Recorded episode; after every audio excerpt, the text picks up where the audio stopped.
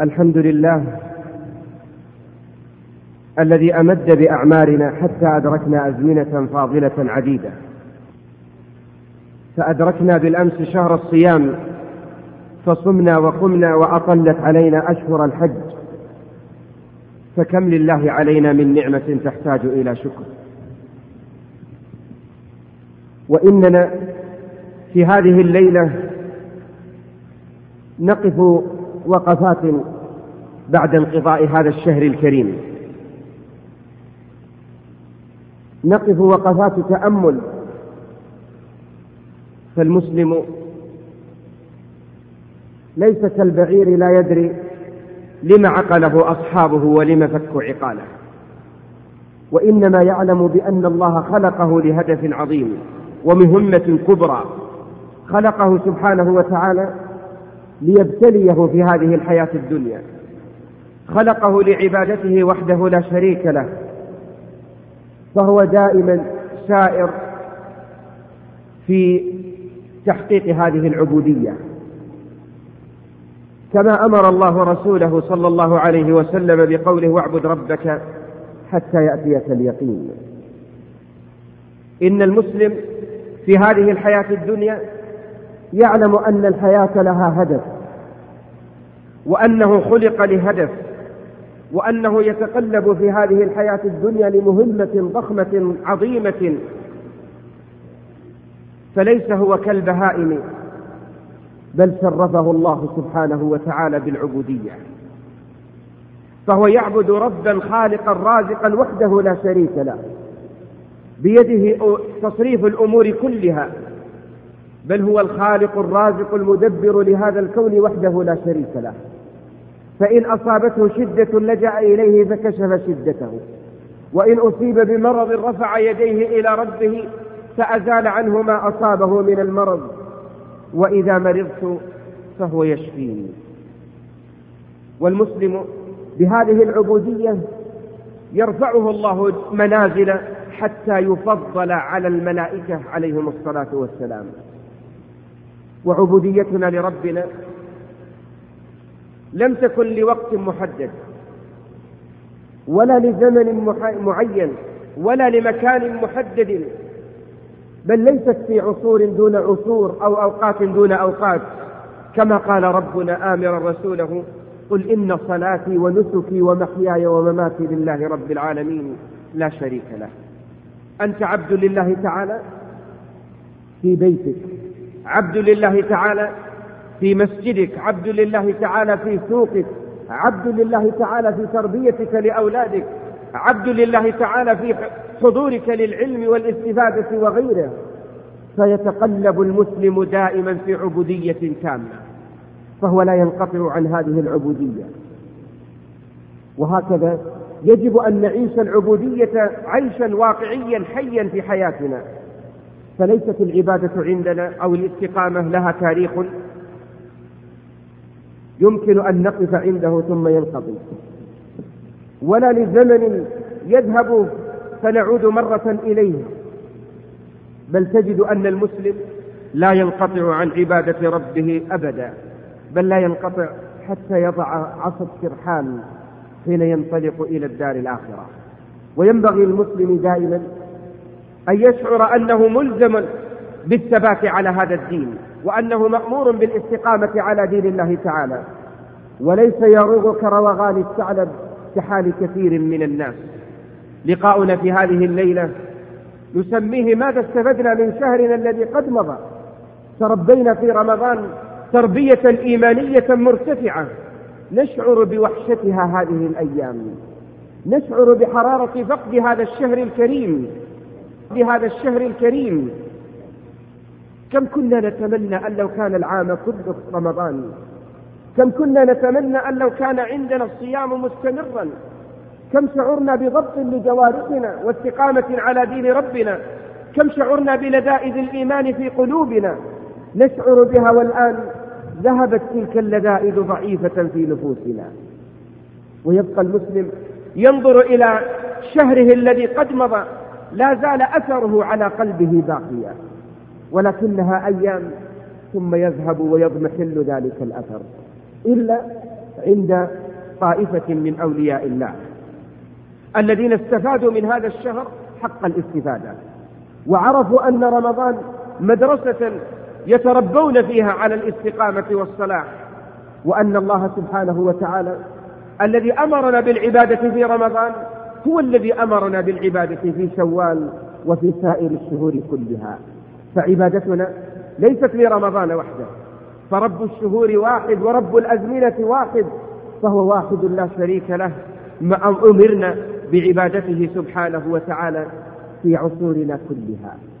وما أحوجنا إلى تحقيق تلك العبودية إنها العبودية التامة الشاملة. جاء رجل إلى النبي صلى الله عليه وسلم فقال يا رسول الله قل لي في الإسلام قولا لا أسأل عنه أحدا بعدك أبدا. قال له الرسول قل آمنت بالله ثم استقم. قل آمنت بالله ثم استقم. كثير من الناس يقول آمنت بالله. لكن أين الاستقامة عن واقع الحياة؟ أين المحافظة على هذا الدين؟ أين الحرص على العمل الصالح في هذه الحياة؟ أزمنة تمر بكثير من الناس. فترى إطلالة على المساجد وإقبالا على بيوت الله تعالى وحرصا على قراءة القرآن إلى غيره. وما إن ينقضي الشهر إلا ويودعون تلك العبادات. وهؤلاء لم يستفيدوا من رمضان حق الاستفادة.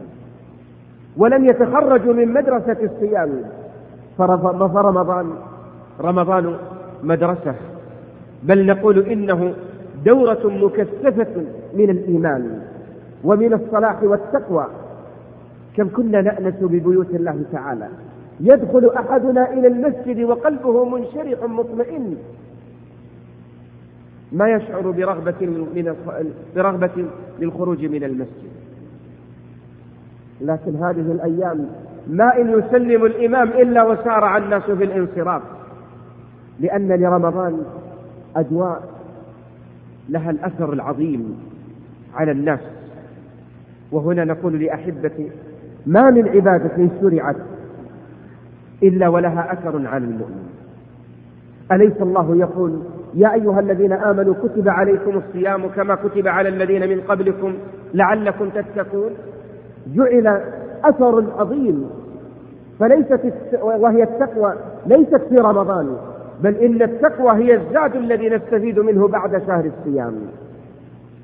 فمن ظن أن تقواه في رمضان ثم يودع الشهر ولم يستفد من التقوى فهذه علامة على أن صيامه مردود.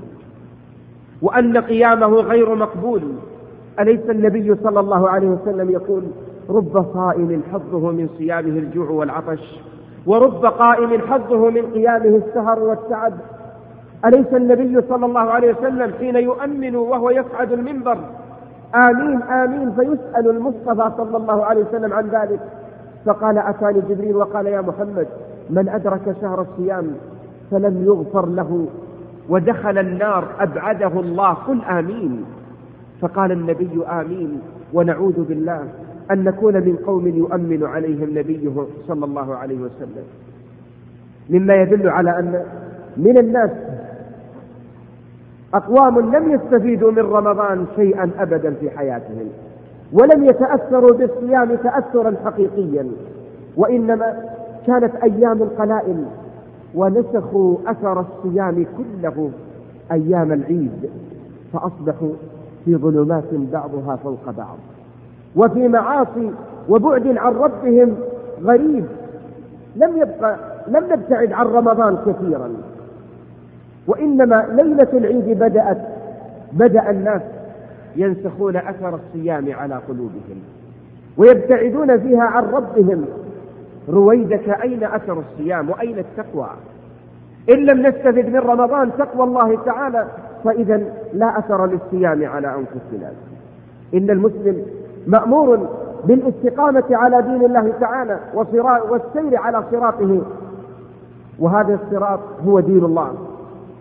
من غير انحراف يمنة ولا يسرى فهو حريص المسلم على فعل الطاعات صغيرها وكبيرها ظاهرها وباطنها بل هو بعد رمضان يسأل ما الأعمال التي أعملها لأجد أثر الصيام على قلبي.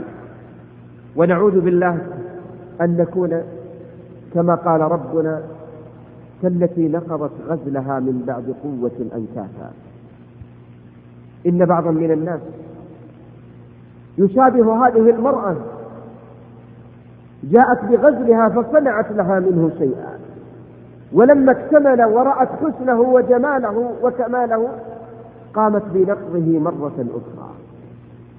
فأصبحت لم تستفد شيئا أبدا.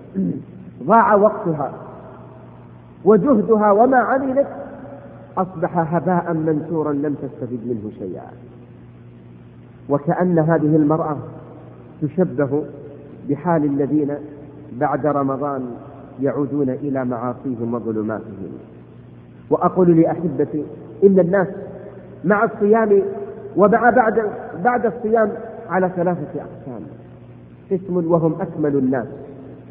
كانوا بعد رمضان خير منهم قبل رمضان. وشعروا بأثر الصيام عليهم فعرفوا أنهم يجب عليهم أن يستعملوا زادهم الذي استفادوه في رمضان يتزودوا به إلى رمضان آخر ويجدوا أثر هذا الصيام عليهم بصلاح قلوبهم واستقامتهم. وهم أكمل الناس تربوا في مدرسة الصيام فاستقاموا على دين الله تعالى.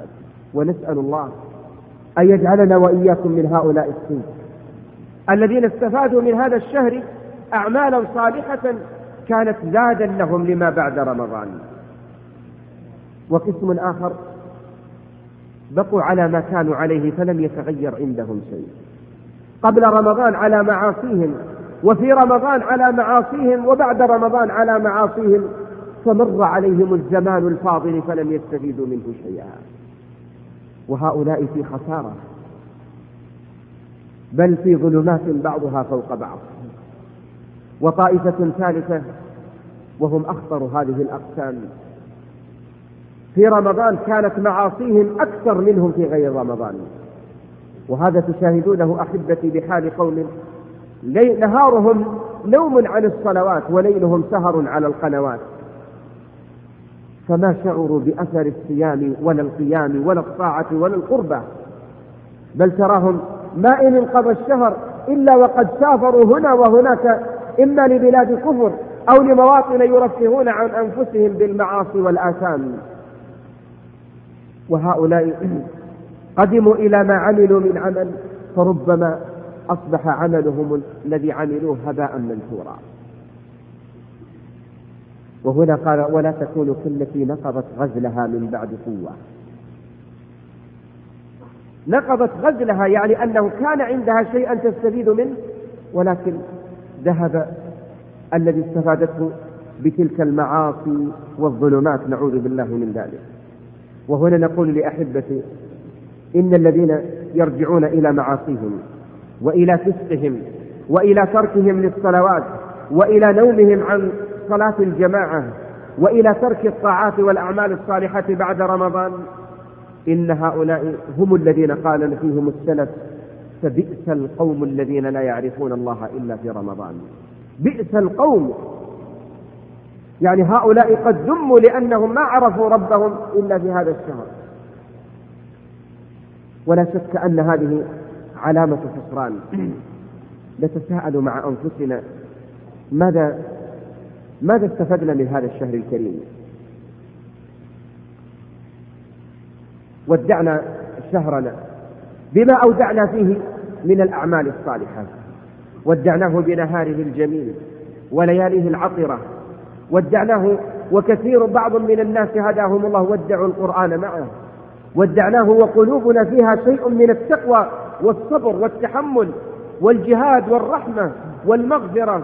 ودعنا شهرنا وقد أغلقت أبواب الجنة الثمانية.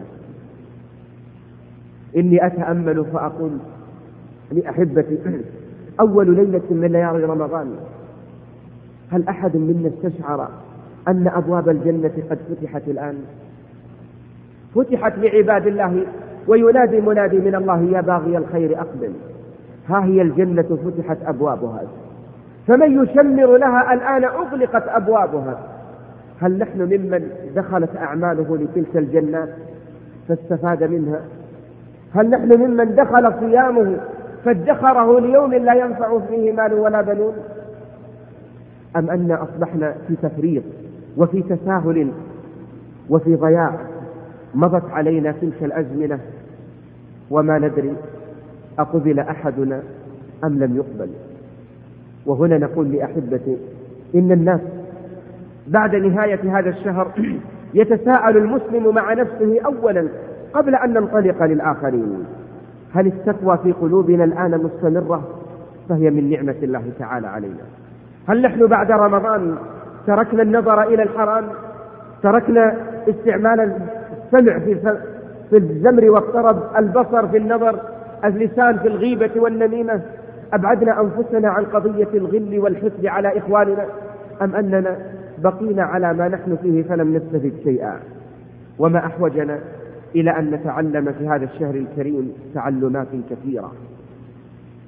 وآخذ لطائف مما استفدناه ثم نقف يقف كل واحد منا مع نفسه هل هي موجودة عنده أم لا؟ الأمر الثاني الأول التقوى الثاني هل نحن ممن تربى على الصبر؟ ورمضان هو شهر الصبر. وتعلمون أحبتي أن الصابر يوفى أجره بغير حساب كما قال ربنا إنما يوفى الصابرون أجرهم بغير حساب. فأنت قد صبرت على طاعة الله تعالى وصبرت عن معصية الله وصبرت على أقدار الله المؤلمة فلا بد من الصبر دائما مع المؤمن. والمؤمن لا يستغني عن الصبر أبدا بل تراه دائما مستمرا على الصبر لا ينقطع عنه أبدا.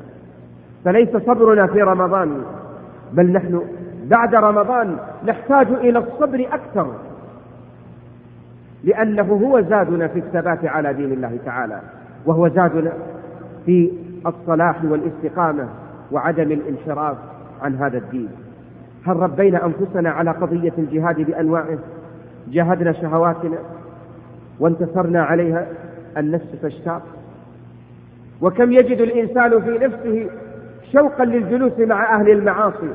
وكم يجد الإنسان من نفسه شوقا إلى سماع بعض من المجالس من مجالس التي فيها اللهو وضياع الوقت وغيره.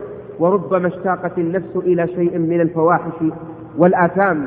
فنحن في حاجة إلى أن نتخرج من هذه المدرسة الرمضانية باستفادة للصبر. إن الإنسان بعد جهاده الذي جاهد فيه نفسه فتنضبطت جوارحه. إياك أن تترك هذا الجهاد. والله يقول والذين جاهدوا فينا لنهدينهم سبلنا. إن الله قد تكفل لك بالهداية. فكلنا والله في حاجة إلى هداية ربنا. وما منا من أحد يستغني عن قضية المجاهدة مهما كان علمك وصلاحك وتقواك. النفس من طبيعها من طبيعتها أنها شرودة تنفر لكن إذا جوهدت وقصرت تربت على الصلاح والإيمان والتقوى. إننا في حاجة إلى أن نستفيد من هذا الشهر الكريم استفادة إيماننا بالغيبيات. رمضان ربانا على المراقبة الذاتية. أنتم أحبتي جلوس من منكم يطلع عليه أهله في أكله وشربه. يستطيع الإنسان أن يدخل غرفته فيأكل ويشرب وما يعلم به أحد. يستطيع أن يختفي خارجا وداخلا ما يعلم به أحد. لكن تبقى رقابة الله في قلب المؤمن. يعلم بأن الله يعلم خائنة الأعين. وما تخفي الصدور. إن أحدنا ليتحرج أن تنزل قطرة يسيرة في جوفه. خوفا على نفسه من عقوبة الله تعالى. فهذه التربية على قضية مراقبة الله تعالى وقوة الإيمان بالغيب يجب أن تتمكن في نفوسنا. إن الذي يطلع علينا في رمضان هو المطلع علينا في شوال. ولا فرق أبدا طيلة العام. الله سبحانه وتعالى يعلم كل شيء لا تخفى عليه خافية. ولا يحيطون بشيء من علمه. بل علمه محيط بكل شيء سبحانه وتعالى. تقول عائشة سبحان من وسع علمه كل شيء. سبحان من وسع علمه كل شيء. حين نزلت قول الله تعالى قد سمع الله قول التي تجادلك في زوجها وتشتكي إلى الله والله يسمع تحاوركما قالت عائشة الصديقة جاءت خولة رضي الله عنها تشتكي للرسول صلى الله عليه وسلم ووالله إنها لفي جانب الغرفة وما كنت أعرف ماذا تقول أسمع صوتا ولا أدري ما ولكن سمع الله شكواها من فوق سبع سماوات. وأنزل الله بها قرآنا يتلى إن هذه الرقابة الداخلية يجب أن لا تضيع عنا بعد رمضان. فإن ربنا سبحانه وتعالى عالم بكل شيء لا تخفى عليه خافية. أنبه تنبيها لطيفا هنا في مسألة الإيمان بالغيبيات.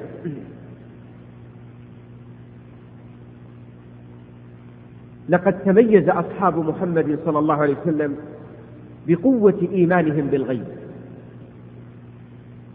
وقاعدة يجب أن تعلموها أحبتي كلما قوي إيمانك بالغيب كلما صلح صلح جوارحك وكلما ارتفع إيمانك.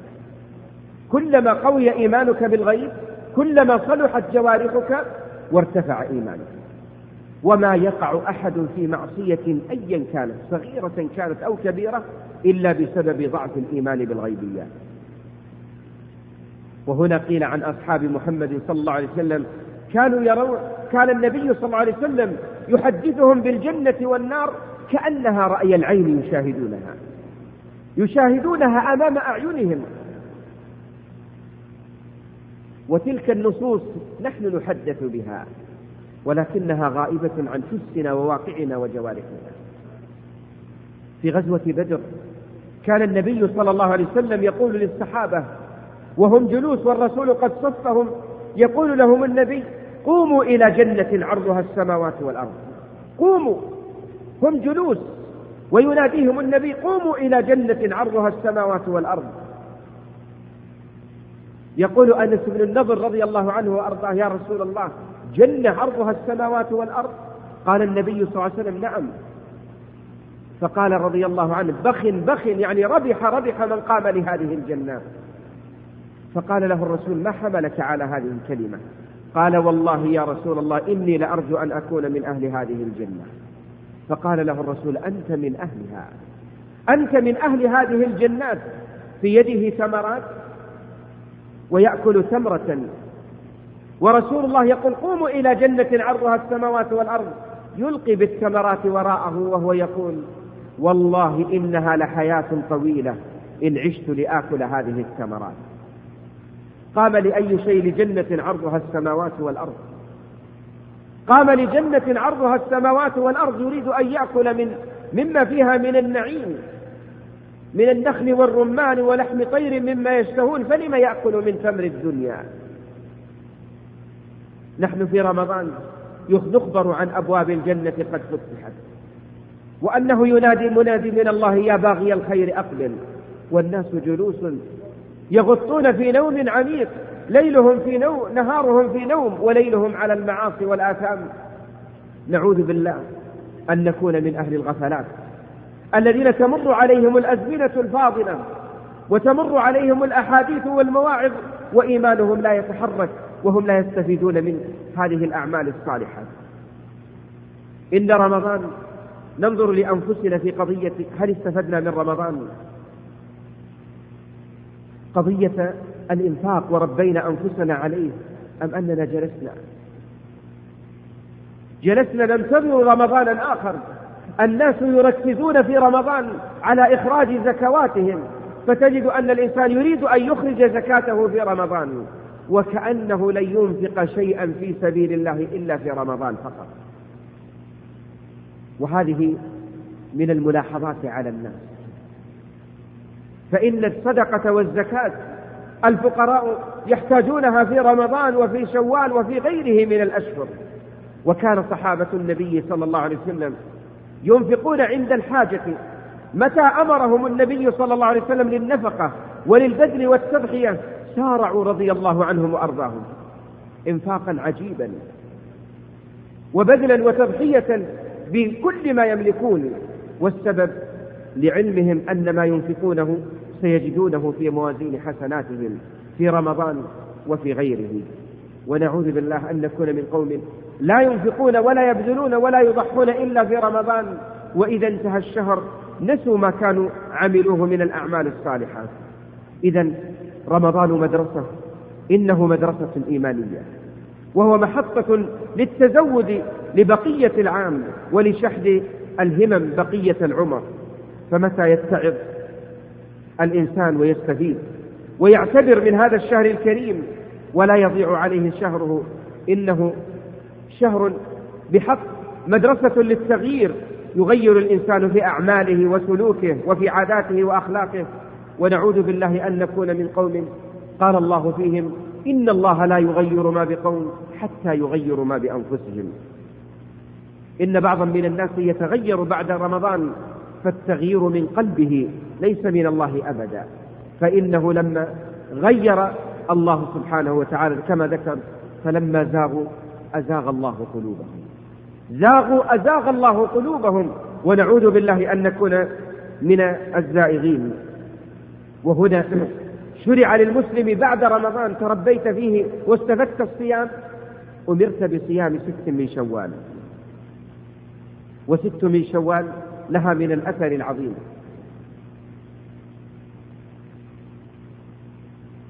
فقد قال فيها النبي صلى الله عليه وسلم كما في صحيح مسلم وفي مسند الإمام أحمد وعند الترمذي وغيره أنه قال في حديث أبي هريرة من صام رمضان ثم أتبعه ستا من شوال فكأنما صام الدهر كله.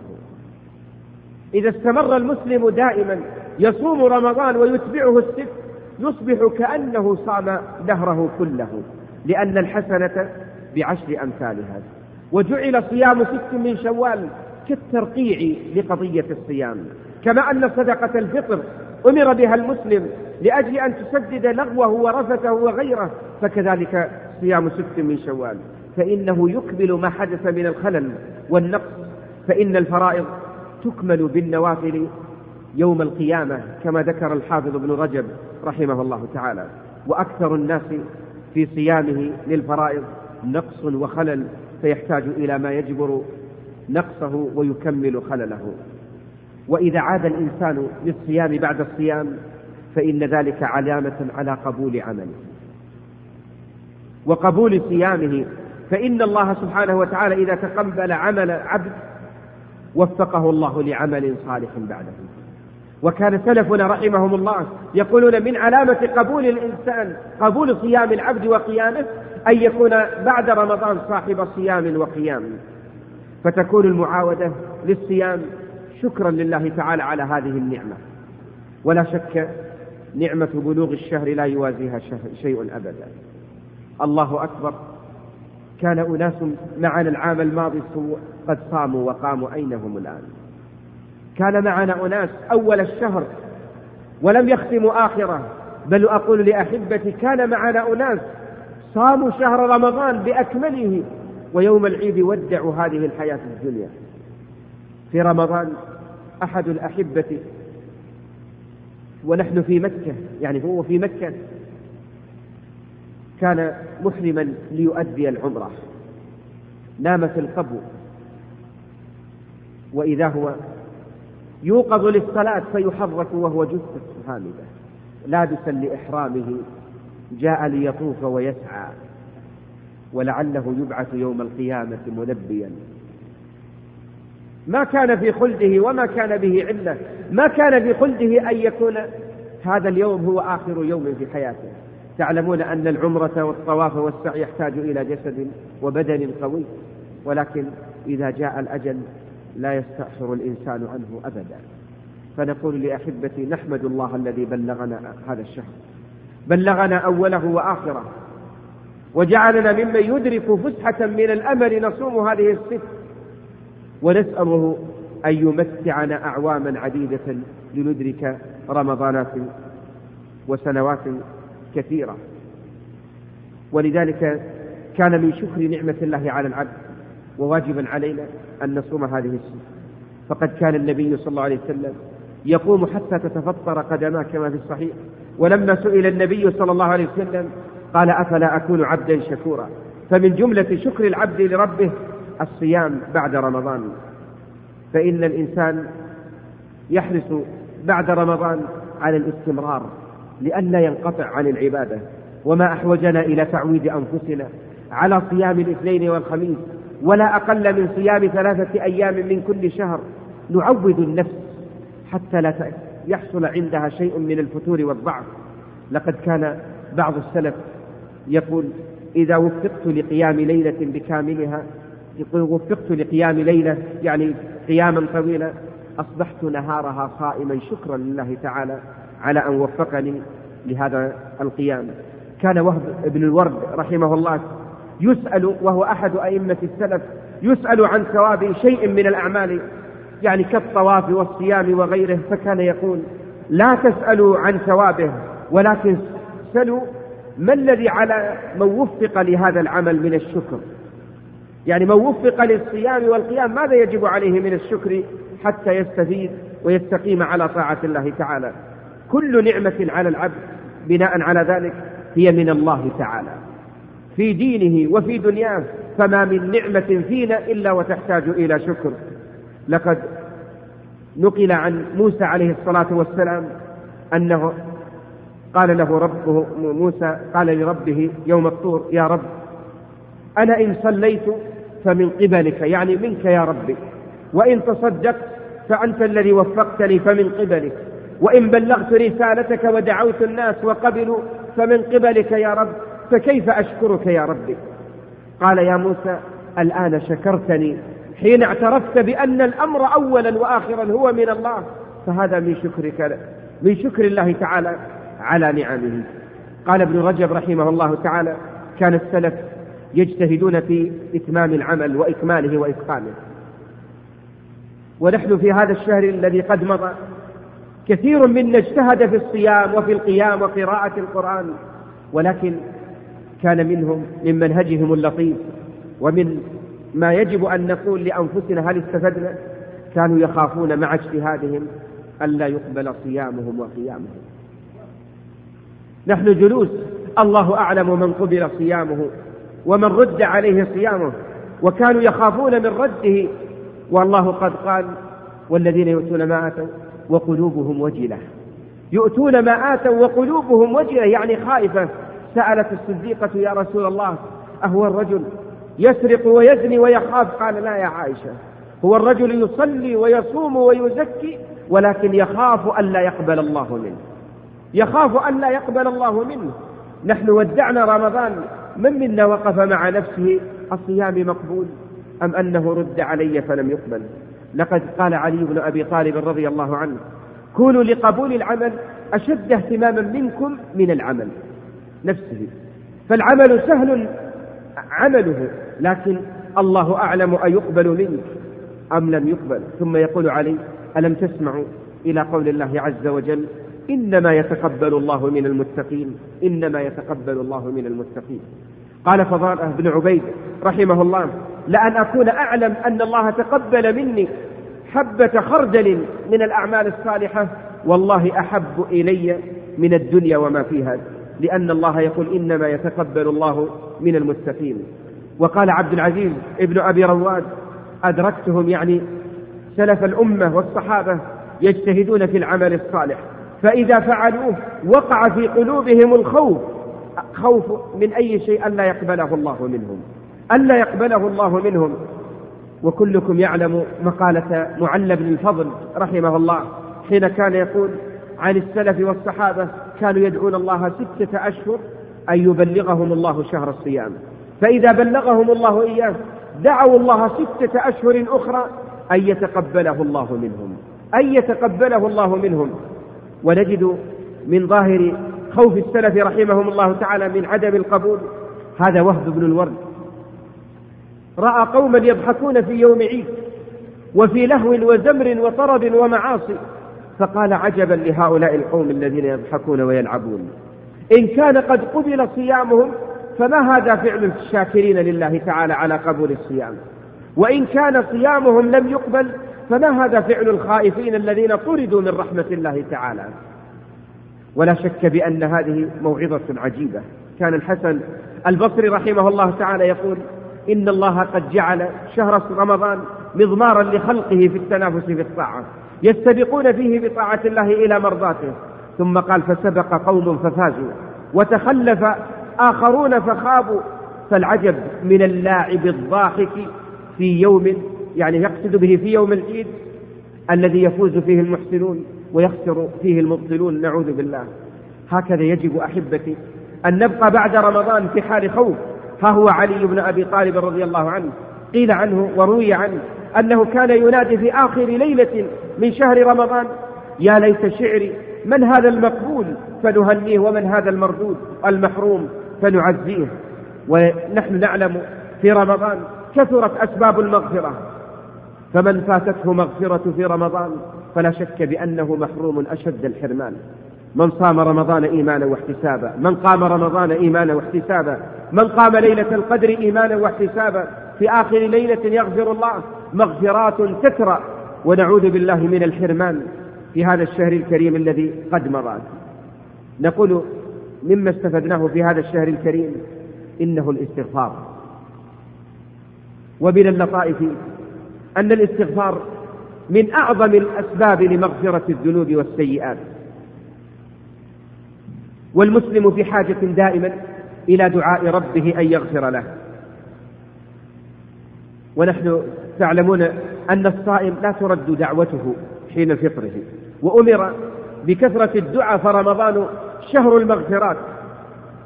كان الحسن البصري رحمه الله يقول أكثروا من الاستغفار فإنكم لا تدرون متى تنزل رحمة الله تعالى.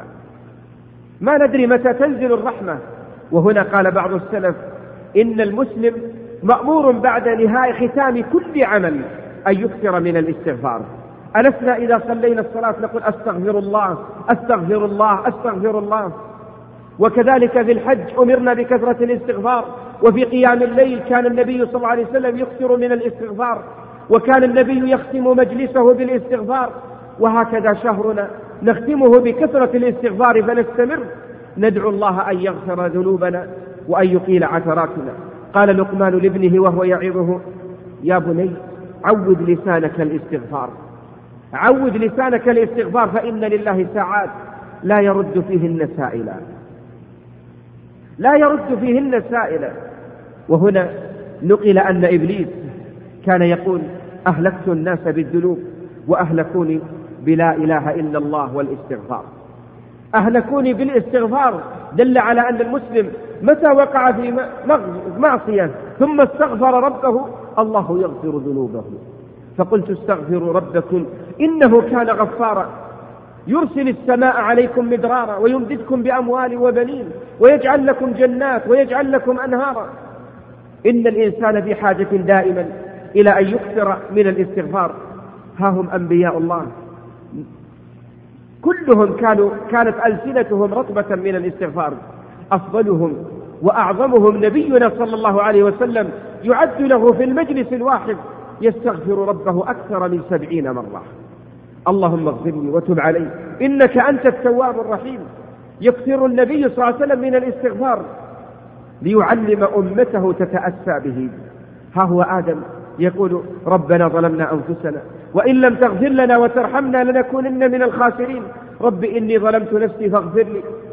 وكثير من أنبياء الله يكثرون من قضية الاستغفار. إن هذا يوجب لنا أحبتي أن نحرص أن نستفيد من هذا الشهر الاستمرار على الاستغفار. فتقصيرنا حاصل. وما هو مع أن رمضان بقليل. وما هو عنا ببعيد.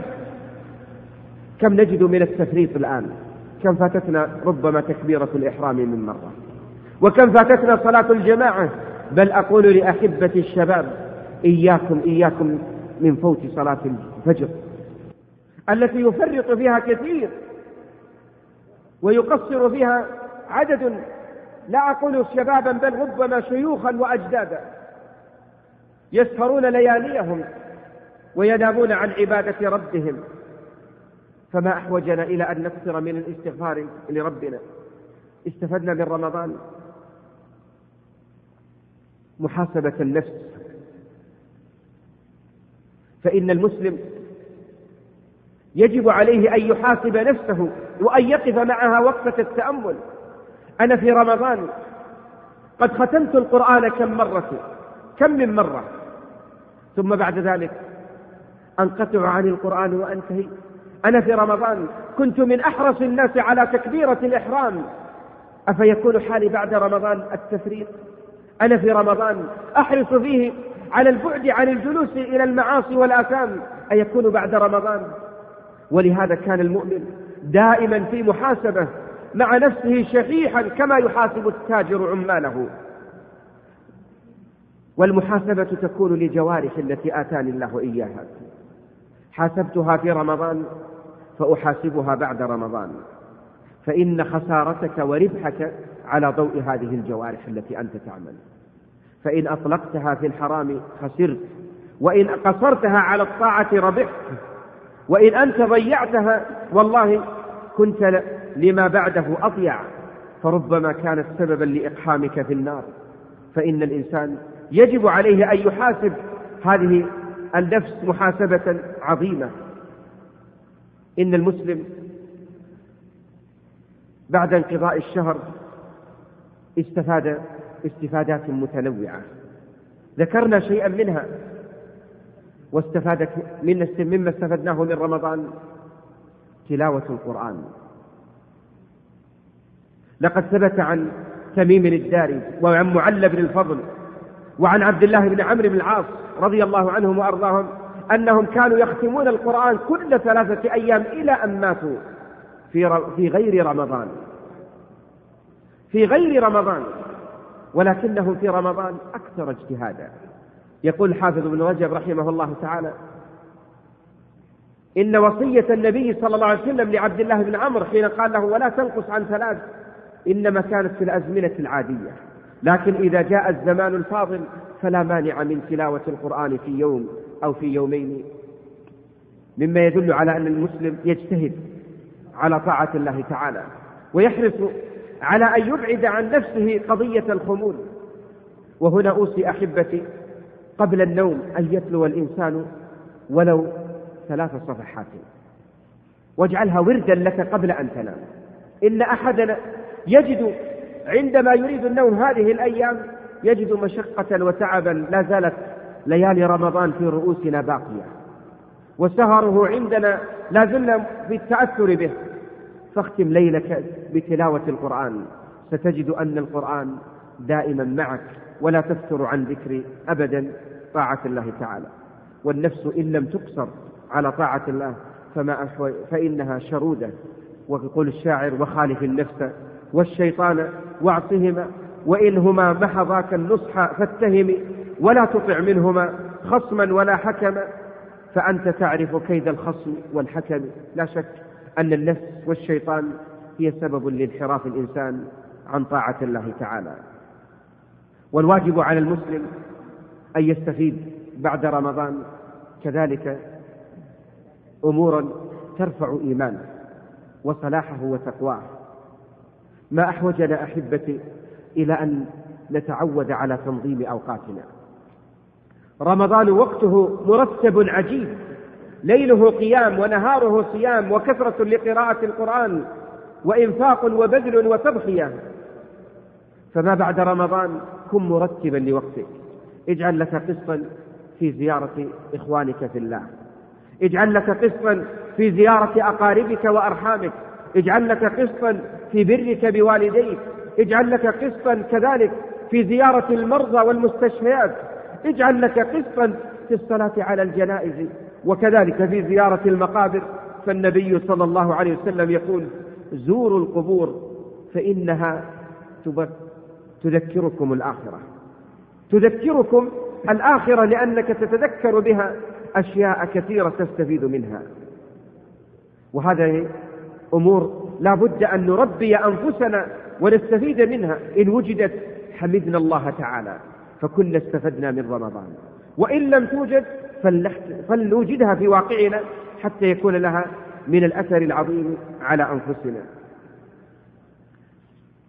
كان من هدي نبينا صلى الله عليه وسلم الذي تميز به أن عمله دينه كما سئلت عائشة رضي الله عنها وأرضاها. هل كان الرسول صلى الله عليه وسلم يخص يوما من الأيام بنوع من العبادات؟ قالت لا كان عمله ديمة يعني أمرا مستمرا. فنحن بعد رمضان لا ننقطع عن العمل الصالح.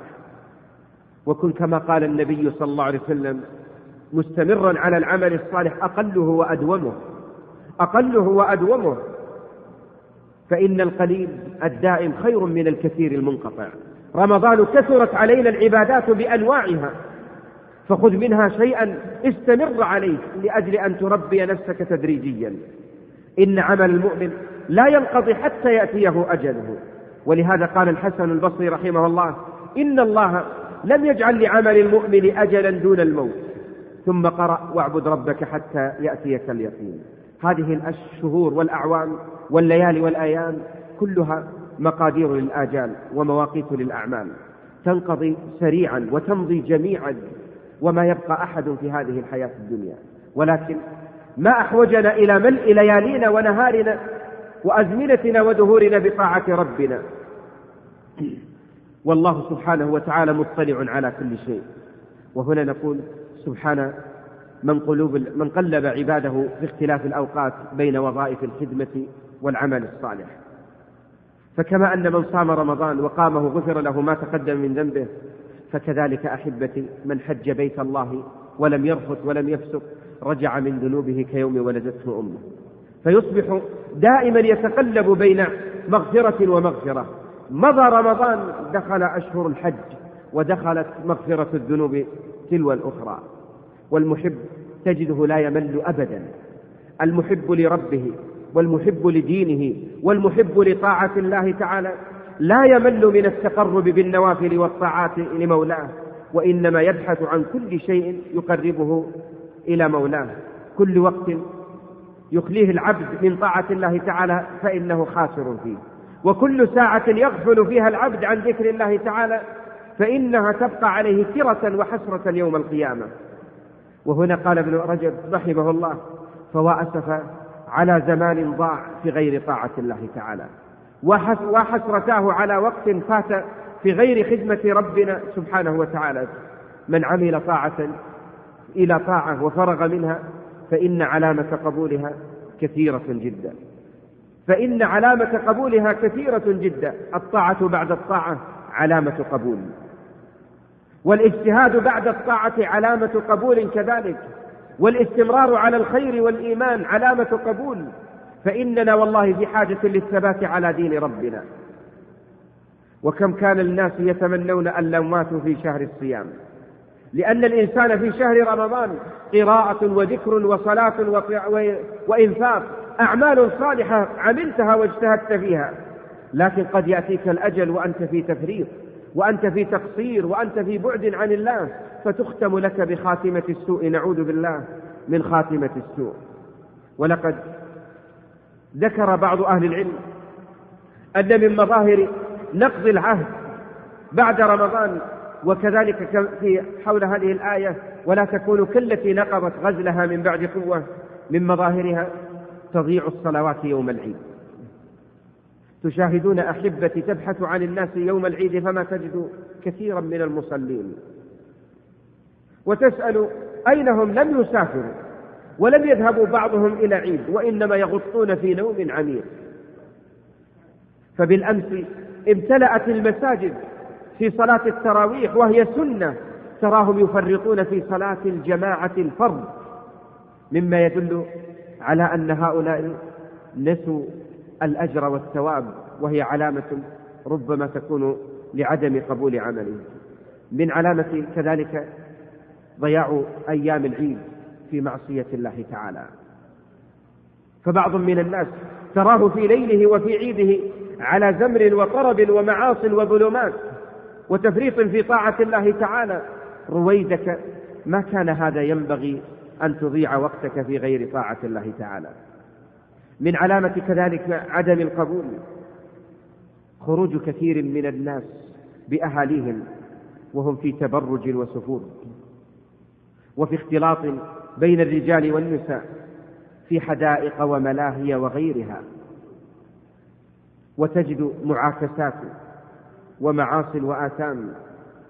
إن هؤلاء ما عرفوا للعيد فضله وما عرفوا ثمرة العبادة حق المعرفة مما يدل على أن هؤلاء فرطوا تفريطا عظيما. وقوم خسروا نعوذ بالله أشد الخسران فسافروا إلى بلاد الكفر. سافروا إلى بلاد الكفر يبحثون عن السياحة. وأصبحوا يتسابقون في شراء تذاكر وفي انطلاق إلى بلدان منحلة. وإلى بحث عن الفساد كأن الصيام كان سجنا لهم. وهؤلاء جهلوا حقيقة الصيام وأثره. ما هكذا يختم شهر رمضان؟ فإن المسلم ينبغي له أن يحرص أشد الحرص بعد رمضان على محاسبة النفس والوقوف معها وقفة التؤمل أقول لأحبتي إن المسلم يصبح دائما يتقلب في أعمال صالحة فما ينقطع عنها أبدا. ففي ليله ونهاره عبادة الله شاملة. وليست عبادتنا في المسجد فقط. إن بعضا من الناس ربما يشمئز إذا سمع درسا أو محاضرة أو كلمة. ويظنها أنها في المسجد فقط. نقول رويدك إننا نعبد ربنا في كل أحوالنا. في سفرنا وحضرنا في صحتنا ومرضنا في مسجدنا وفي بيتنا عبادة مستمرة لا انقطاع لها. والمسلم يتقلب في العبادة لا يمكن أبدا أن ينقطع عنها. فإن الاستمرار على العبادة سبب لزيادة الخير والصلاح والاستقامة. أليس ربنا يقول وإذ تأذن ربكم لئن شكرتم لأزيدنكم لئن شكرتم لأزيدنكم. وكان في المقابل ولئن كفرتم نعوذ بالله أن نكون من الكافرين. فتوعد أصحاب الكفر بعذاب الله تعالى بل بعذاب شديد ليس أي عذاب هو. فضلا على عذاب الدنيا. وهنا كانت الزيادة لأولياء الله تعالى زيادة حسية ومعنوية.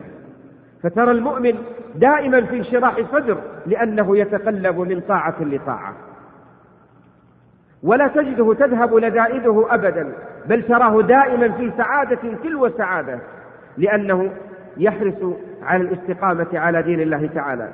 والشكر يكون من شكر الله تعالى ترك المعاصي كما قال كثير من السلف رحمهم الله تعالى. فلو شكر العبد ربه حق الشكر لرأيته دائما في زيادة من الخير والطاعات. وبعيدا عن المعاصي والآثام هكذا يجب أن يكون العبد مستمرا على طاعة الله تعالى ثابتا على شرعه. مستقيما على دينه لا يروغ روغان الثعلب يعبد الله شهرا ويدعه أشهر. ويعبد الله في مكة وإذا رجع إلى مكانه تغير بل تراه دائما باستقامة. يعبد الله إذا كان مع زملائه الأخيار وإذا تركهم عاد إلى المعاصي بل تراه في عباده في سره وفي جهره في سفره وحضره. فيجب أن نعلم أحبتي أن رمضان أن رب رمضان هو رب بقية الشهور والأيام. وأنه رب الأزمنة والأماكن كلها فالواجب الاستقامة على دين الله تعالى. أليس الله قد أمر رسوله صلى الله عليه وسلم بقوله فاستقم كما أمرت ومن تاب معك؟ استقم كما أمرت. بعد رمضان نؤمر بالاستقامة على دين الله تعالى لأنها علامة القبول. والله يقول فاستقيموا إليه واستغفروه. والنبي لما أوصى الصحابي قل آمنت بالله ثم استقم. وصية لا تنقطع أبدا. ولا تنتهي بل يستمر الإنسان ما دامت الروح تتردد في الجسد. فنقول لأحبتي فلئن انتهى صيام رمضان فهناك صيام النوافل الست وغيرها. ولئن انتهى قيام رمضان فلا شك أن القيام مشروع في كل عام. كانوا قليلا من الليل ما يهجعون وبالأسحار هم يستغفرون. يا أيها المزمل قم الليل إلا قليلا. نصفه أو انقص منه قليلا أو زد عليه ورتل القرآن ترتيلا. أليس النبي صلى الله عليه وسلم ما كان يدع قيام الليل سفرا ولا حضرا استمرار في الطاعات؟ لئن انتهت الصدقة في رمضان فإن هناك صدقات كثيرة. لئن انتهت قراءة القرآن وختمه والحرص عليه في رمضان فنحن دائما في كل وقت في حرص على طاعة الله تعالى. هكذا أحبتي فالأعمال الصالحة في كل وقت وكل زمان فاجتهد أخي في طاعة الله تعالى تزداد خيرا وصلاحا. فالله الله. بالاستقامة على الدين في كل حين فإنك لا تدري متى يلقاك ملك الموت فاحذر أن يأتيك وأنت على معصية الله. اللهم يا مقلب القلوب ثبت قلوبنا على طاعتك. اللهم إنا نسألك الثبات على دينك. اللهم اجعلنا ممن يستمر على الخير والصلاح. وأسأل الله أن يجعلنا وإياكم بعد رمضان خير منا قبل رمضان. اللهم إنا نسألك أن تنصر المسلمين في كل مكان وأن ترزقنا الثبات على دينك. اللهم توفنا مسلمين وألحقنا بالصالحين واستعملنا في مرضاتك ونصلي ونسلم على نبينا محمد وعلى آله وصحبه. لعلي أجيب على الأسئلة إجابات سريعة.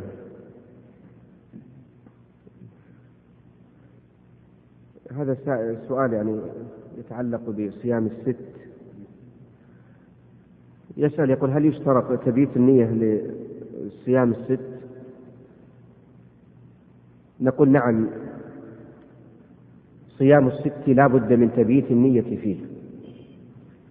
ويقول العلماء رحمهم الله تعالى إن أي صيام قد جاء محددا كيوم عرفة وكصيام الست وكذلك العشر ذي الحجة هذا صيام محدد فلا بد من تبييته من الليل حتى يكتب له الفضل المرتب عليه.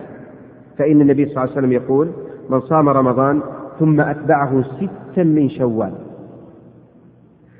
فبعض من الناس تجده ينام ويستيقظ مثلا الساعة العاشرة أو الحادية عشر ويقول ما بقي إلا خمس ساعات أكمل ويكون هذا عن الست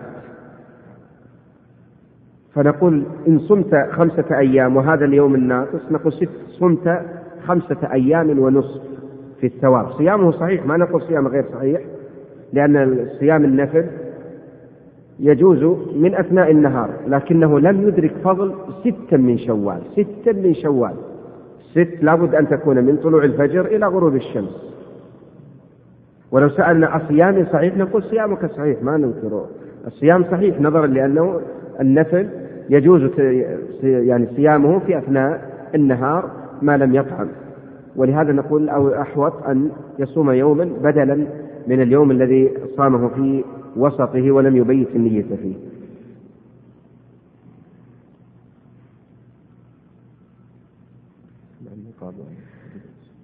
هذا السائل يقول يعني عن بعض من الآباء ضيعوا مسؤوليتهم تجاه النساء فأذنوا لنسائهم بلبس البنطال والتبرج وخاصة أنهن نساء كبيرات. نقول هذا لا شك أنهم مسؤولون عنهم يوم القيامة. وتعلمون أحبتي أن مشايخنا رحمهم الله حفظ يعني رحم الله أمواتهم وحفظ أحياءهم. قد أفتوا بأن البنطال لا يجوز لبسه وخاصة أمام الرجال. فالمرأة تعرفون البنطال يفصل جسدها كاملا. ساقيها وفخذيها وعجيزتها وغيره حتى ولو كان أخا لها أو والدها يرمق وهذا لا يجوز. وكم حدث بسببه من الفتن والمصائب. والإسلام جاء بسد الذرائع. والرسول صلى الله عليه وسلم يقول كلكم راع وكلكم مسؤول عن رعيته. فلا تدخل لبيتك أبدا هذا. وتساهل الناس بالبنات. قد تبلغ البنت عشرا وإحدى عشر واثنى عشر سنة وأكثر. ومع ذلك لا يحجبونها إطلاقا. وربما تكون هذه البنت طول أمها أو أطول. وإذا قيل لها لما لا تحجبونها قال هذه صغيرة لم تبلغ. وما علم هؤلاء أن عائشة رضي الله عنها وأرضاها دخل بها النبي صلى الله عليه وسلم وعمرها تسع سنوات. تزوجها النبي صلى الله عليه وسلم ودخل بها عمرها تسع سنوات. وعائشة هي نفسها تقول إذا بلغت البنت تسعا فهي امرأة فينبغي التحذير من هذا. وهذا هو الواجب علينا أن نحرص وينبغي الإنكار. كل منا له عائلة. وما من عائلة الآن إلا وقد ابتليت بهذا الشر فينبغي نشرها في المناسبات وفي الأعياد وفي الزواجات وفي غيره نشر هذه الفتاوى وإيصالها إليهم. قالوا معذرة إلى ربكم ولعلهم يتقون. لعل الله أن يفتح على قلوبهم فيقبلوا.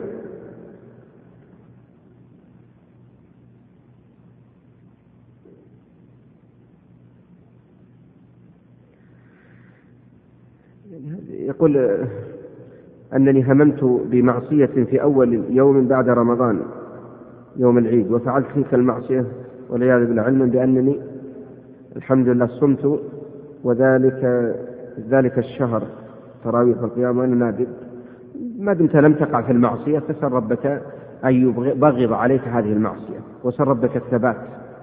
وأوصي أحبتي نقول رمضان ربانا على الدعاء كم سمعنا من دعوات فيه.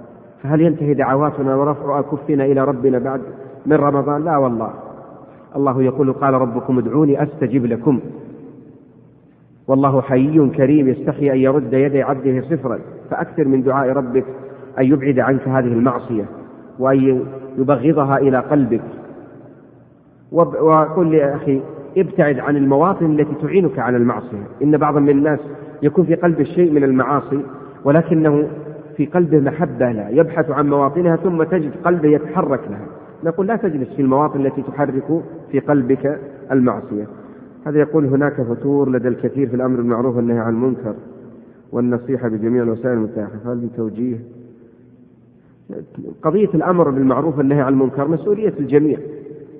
فأنا إذا مررت في سيارتي وجدت بقالة أو محل أو غير فاتح والأذان قد أذن أقف وأقول جزاك الله خير الصلاة. وجدت شبابا يلعبون جزاكم الله خير الصلاة. وجدت امرأة متبرجة وأنا مار يا أمة الله اتق الله. كلمة طيبة. كلمة طيبة من قلب. كم لكلها من الأثر العظيم. لكن إذا كان الناس كل واحد يقول أنا لست مسؤول وأنا لست وكيل آدم على ذرية هذه تخلي لن تبرأ يوم القيامة أبدا لأن النبي صلى الله عليه وسلم يقول من رأى منكم منكرا من رأى. فليغيره أمر بالتغيير. وقضية اللسان أمرها سهل ولله الحمد ليست صعبة. لكن الكلمة الطيبة والأسلوب الأمثل وال... يكون من الأثر. أنت قد تقف عند إشارة مرورية تسمع زمر وطرب تقدم قليل وتسلم عليه وتقول عيدك مبارك الله يصلح يفتح على قلبك. لو فتحت على إذاعة القرآن أبدا والله تجد دعوة من قلب صادق منه. الله يجزاك خير. الله يرفع قدرك على هذه الكلمة. هذه نعمة من الله تعالى. فما واجب علينا ألا نتخاذل بل نتواصى على الأمر بالمعروف والنهي عن المنكر.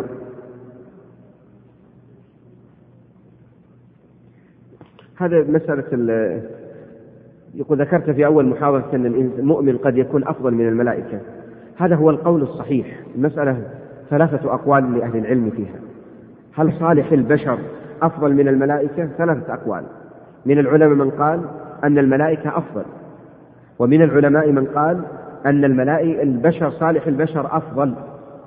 ومن العلماء من قال يتوقف عن هذه المسألة نظرا للأدلة التي تتعاور هذه. أدلة كثيرة طويلة جدا في هذه. وشيخنا رحمه الله يرى أن صالح البشر أفضل من الملائكة. وهذا هذا من فضل الله. يبقى عليك أن وأعظم دليل على ذلك قول الله تعالى الذين يحملون العرش ومن حوله يسبحون بحمد ربهم. ها؟ ويؤمنون به ويستغفرون للذين آمنوا. ربنا وسعت كل شيء رحمة وعلما تجد الآن الآن أنت هنا والملائكة حول العرش تقول لك اللهم اغفر لفلان اللهم ارحمه. فضل عظيم جدا. فما تصبح منسيا لا في الأرض ولا في السماء. مما يدل على فضل المؤمن. لكن بيت القصيد هل نحن ممن تستغفر له الملائكة أم نحن محرومين من هذا الاستغفار؟ نعوذ بالله من ذلك. هذا يقول من كان عليه قضاء هل يبدأ بالنفل؟ نقول لا خاصة الست. فإن نقول النبي صلى الله عليه وسلم يقول من صام رمضان ثم أتبعه ستا من شوال. والمسألة خلاف لكن الصحيح قول الجمهور أنه لا يبدأ بصيام الست وعلى الإنسان شيء من القضاء. وهنا السبب لأنه النبي صلى الله عليه وسلم يقول من صام رمضان ثم أتبعه. فمن بدأ بالست ما ما صام رمضان أصلا. باقي عليه أيام ما صامها فكيف يأتي بالست قبل صيام الواجب عليه؟ ولو كانت المرأة مثل بعض النساء قد تبتلى بأن تكون عادتها طويلة خمسة عشر يوم وربما لا تستطيع الصيام باعتباره نقول الحمد لله.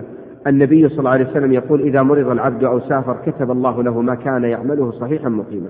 فإذا كنت صادقا حريصا الله يؤتيك هذا الأجر ولن يضيع أجرك.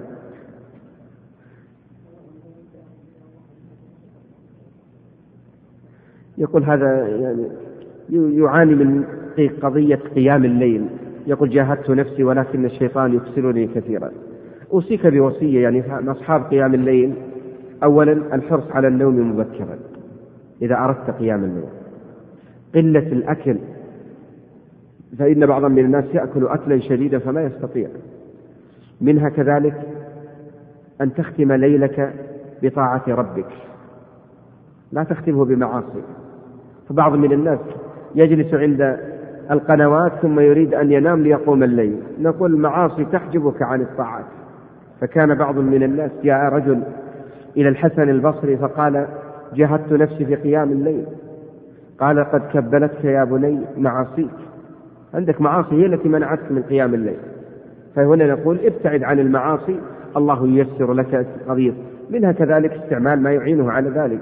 من المنبه أو اتصال بعض الأحبة بعض الأخوة تجد قيام الليل سهل عليه يقول جزاك الله خير إذا قمت الليل اتصل علي على الهاتف أنا أنتظر. فتعين النفس تحتاج مجاهدة وهذا ضروري جدا منها دعاء الرب سبحانه وتعالى. والناس في قيام الليل يختلفون من الناس من يستطيع صلاة قيام الليل بعد صلاة العشاء مباشرة وأقوام قبل النوم وأقوام نقول لهم اجعلوا جزءا قبل أن تنام وجزءا في آخر الليل حتى تجمع وأقوام لا ينتهي عندهم قدرة وجلد على أن يجعلوا قيام الليل في آخر الليل ولا يشعرون بمشقة. مع الوصايا التي ينبغي الإنسان يكون حريص عليها واستعمالها يسر الله. وأهم شيء أن يكون في قلبك حرص صادق. الآن تجدون كمثال بسيط أحبتي الآن. إذا كان الإنسان عنده رحلة يستيقظ مبكر ما يغنوم أبدا. لو أحد من عيال مثلا كمثال بسيط بعض من الآباء تقول له جزاك الله خير ليه ما توقظ أولادك على الصلاة؟ قال صعبين أتعب ويضيع ولا وقت الصلاة ما يقومون. لكن لو صار عنده رحلة سبحان الله تجد قبل الوقت بنص ساعة قايم ومغسل ومتجهز مباشر لأن في قلبه حرص. فكذلك نقول ليكن في قلبك حرص صادق على قيام الليل الله يعينك على ذلك.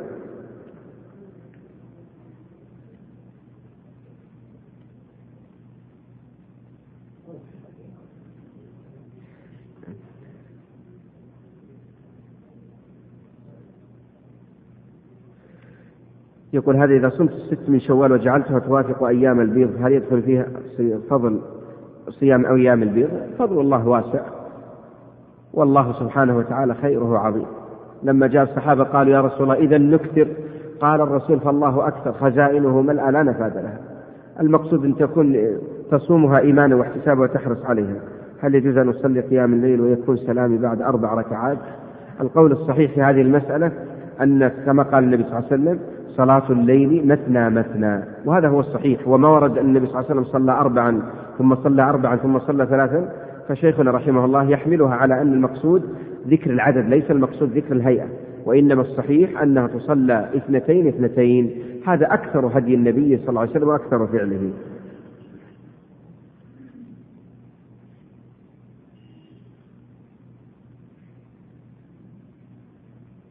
يعني هذه حالة خاصة. نتركها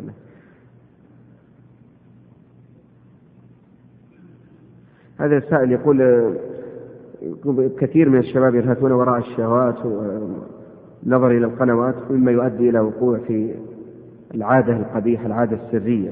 فنقول هؤلاء أوقعوا أنفسهم في المعاصي والآثام وهم عاصون لله ولرسوله صلى الله عليه وسلم بهذا لقول الله تعالى فما يبتغى وراء ذلك فأولئك هم العادون. وصية لأحبة الشباب أولها وصية محمد صلى الله عليه وسلم يا معشر الشباب من استطاع منكم الباءة فليتزوج. ثم قال النبي صلى الله عليه وسلم من لم يستطع فعليه بالصوم. أوصيكم أحبة الشباب بالصيام. ولو أن تصوم شهرا كاملا شهرين ثلاثة أشهر ما يضرك شيء. ولا يقال هذا هو صيام الدهر. صيام الدهر الذي يستمر ينوي الإنسان عليه لا لكن هذا صيام لمعالجة معينة. النبي صلى الله عليه وسلم قال من استطاع فعليه بالصوم. من لم يستطع فعليه بالصوم. لكن صم صادق القلب. الأمر الثاني البعد عن الأمور المثيرة. النظر إلى الصور الجميلة النظر إلى المردان متابعة القنوات النظر إلى المجلات التي تعرض صورا وهابطة وغيره. هذا مهم جدا. الأمر الثالث أوصي أحبة الشباب البعد عن الخلوات. فلا تخلو بنفسك أبدا. كن دائما في مجلسك ولا تأوي إلى فراشك إلا عندما يرهقك النوم. لا تأوي مبكر فإن الشيطان سرعان ما يسارع إلى قلبك فيسجد عليك. ويشعر الإنسان بعد وقوعه في هذه المعصية بحرقة وألم ونكد ويضيق صدره نقول رويدك هي شهوة لحظة ولكن نكدها باق معك. فابتعد عن هذه الأمور الله يعينك. منها كذلك دعاء الله تعالى. ادعو الله تعالى أن يحفظ فرجك وأن يحفظ سمعك وبصرك وأن يحصنه. وهذا أمر مهم جدا. منها كذلك ليس عيبا على الإنسان أن يعرض على أبيه الذي يريد الزواج. وهنا أوصي أحبتي الآباء ليس عيبا بل واجبا عليكم أن تعينوهم متى كنت أبا مقتدرا فلا تقل قضية الدراسة. ولو أن يكون الطالب في الثانوي أو في أولى جامعة أو في غيره لا تنتظر إلى أن يتخرج. أعنه على طاعة الله تعالى. فإن الابن قد يكون يقع في المعصية بسبب هذا ويؤدي إلى انحرافه وضلاله. بيد أنه كان شابا صالحا مستقيما مؤمنا تقيا. فهذا يجب علينا أن نسارع لهذه الأمور نظرا لأنها تعينه على صلاحه واستقامته.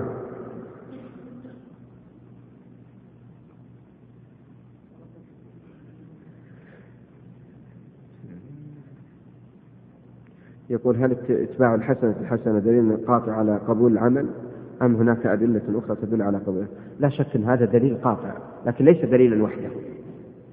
هذا لا يعتبر دليلا وحده لكنه دليل قاطع. إذا كان الإنسان صاحب صيام ثم استمر على الصيام بعد رمضان ما شاء الله نور على نور.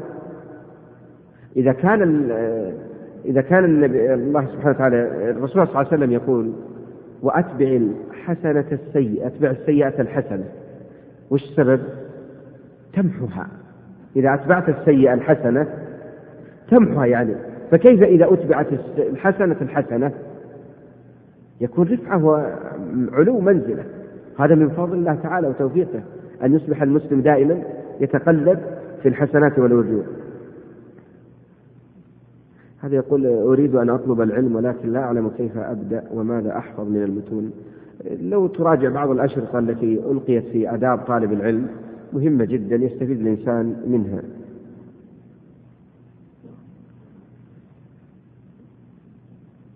هذا السائل الآخر يعني يقول هل العادة السرية تفسد الصوم؟ وهل يجب القضاء؟ وإذا كان لا يعرف الأيام فماذا يعمل؟ العادة السرية إذا نزل المني فسد الصوم تلقائيا. لأنه تعرفون في الحديث القدسي يدع طعامه وشرابه وشهوته من أجلي هذا ما ترك شهوته من أجل الله تعالى. فصيامه فاسد. وهو آثم عاص لله ولرسوله صلى الله عليه وسلم. ثم يجب عليه قضاء هذا اليوم مع التوبة الصادقة لله تعالى. يجب عليه قضاء هذا اليوم مع التوبة الصادقة. يقول هناك بعض الناس يزعم أنه بصيام وصلاة قد أدى ما عليه ويستكثر ما قام به من أعمال وهو لا يدري طيب هذا يعني يقول يعني علاج لأمثال هؤلاء. نقول يا أحبتي إذا كان الله ذكر في كتابه يؤتون ما أتوا وقلوبهم وجلة يصوم ويصلي ويتصدق ويخاف قلبه خائف ما يدري أيقبل صيامه منها أم لا. وإذا كان محمد صلى الله عليه وسلم بل كبار الصحابة رضي الله عنهم رضي الله عنهم يعني جل الصحابة كانوا يعملون الصالحات ويخافون فلنا فيهم أسوة. بعض من الناس قال إذا قلت قال الحمد لله نصلي ونصوم. طيب وبعدين ليله على المعاصي ونهارها في تفريط ثم يقول الحمد لله الصلاة الحمد لله الصلاة موجودة. نقول هذا من يدريك أن صلاتك قد قبلت فرب صلاة لم تقبل من صاحبها والنبي صلى الله عليه وسلم كما في سنن أبي داود يخبر إن الرجل يصلي الصلاة فما يكتب له منها إلا نصفها إلا ربعها إلا كذا ثم قال إلا عشرها. يعني قد لا تقبل صلاتك ولا صيامك. فليس مجرد الصلاة دليل على القبول.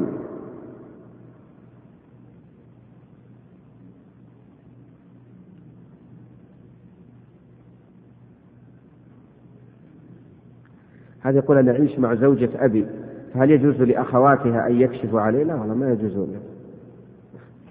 أقول أخوات زوجة أبيك لا لا يجوز أن يكشفوا لك.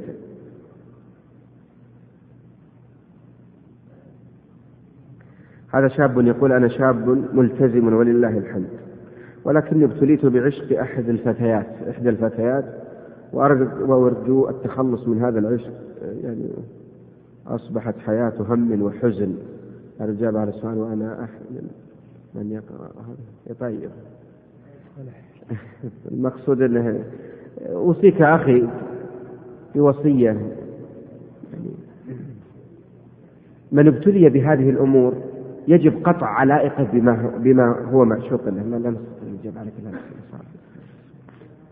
يعني أولا إن كان عندك شيء مما بينك وبينها فمزقه كلية رسائل هدايا تحف أشياء معينة على طول يبحث لك عن بئر أو قمامة أو غيره وضعها فيه وخلاص ينتهي. واضح؟ الأمر الثاني ألا تتصل أبدا بها ولا تتصل عليه فإن كان هاتفك غير الهاتف تلقائيا. نظرا لأي شيء؟ نظرا لأن هذا يحرك في القلب الرجوع إليه. وهذا من الابتلاء الذي يبتلى به كثير من الناس. والواجب على المسلم أن يعلم أن مثل هذا الأمر لا يجوز شرعا. ثم أقول لك أليس النبي صلى الله عليه وسلم يقول لا يؤمن أحدكم حتى يحب لأخيه ما يحب لنفسه؟ هذا هو حديث النبي صلى الله عليه وسلم صحيح. هل تحب أحد أن يتعرض لأختك بمثل ما أنت تتعرض لبنات الناس؟ حتى أخو تلك المرأة لو قال أعطني أختك جزاك الله خير أنت أعطيتني أختك وأنا بعطيك أختي جزاك الله خير مقابلة. إن كان في قلبك غيره ما ترضى أبدا. فهنا اتق الله وابتعد عن هذا الطريق. وإن كان يعني قضية إرادة الزواج وغيره فأتوا البيوت من أبوابها. يعني فأتوا البيوت من أبوابها الحمد لله تقدم خاطبا وتزوج. وإلا فترك وغالبا سبحان الله العلاقات المشبوهة لا تستديم أبدا نهايتها الفشل. لأن الإنسان يعرف أن الذي تعرفت عليه قد تتعرف على رجل آخر مثله. ولا ليس عندها عيب. وهنا تجده في غير ثقة. ونقول له ابتعد عن مثل هذا. هذا سائل لعل أحد الشباب الصغار. خطه. يقول هل يجوز أن أصلي صلاة الفجر في الساعة السابعة صباحا؟ هل يجوز أم لا؟ نقول له لا يجوز. وشيخنا غفر الله له الشيخ عبد العزيز باز يقول إن الذي يضع ساعة سواء كان موظف أو كان طالبا أو غيره يضع الساعة المنبه على السابعة ليذهب للمدرسة والدوام ولا يضعها على صلاة الفجر لأنه لا يريد القيام أصلا. قال يصبح كافرا. يعني لو ماتوا على هذه الحالة إلى النار نعوذ بالله من النار. ويرى أن كفره يخرجه من الملة. نعوذ بالله أن نصبح وربنا غاضبا عليه إذا يجب علينا أحبتي أن نحرص أشد الحرص على طاعة الله تعالى. وما لذة الدنيا بغير طاعة الله؟ هل هناك للدنيا لذة بغير طاعة ربنا؟ لا والله. وهنا يجب علينا أن نربي أبناءنا صغارا وكبارا. أوصي يعني أختم وصية لأحبتي الآباء. كونوا ممن يحرصون على إيقاظ أبنائهم لصلاة الفجر. ابنك الصغير في أولى ابتدائي ثانية ابتدائي أوقظه لصلاة الفجر. كثير منا يرحمه يقول صغير. والنتيجة؟ يجعله ينام حتى إذا بلغ عمر. 13 14 بدا لسانه يطول. ما عاد ليش أزعجتوني؟ وكذا ويبدأ يهوش وما ما يتربى. ثم بعده يكبر قليلا فينفض يديه أو يخرج غير متوضئ ويأتي إلى المسجد. جالس طيب خلاص ادخل المسجد. أنا إن شاء الله ويدخل دورة المياه وما ابدا ولا يريد الصلاة.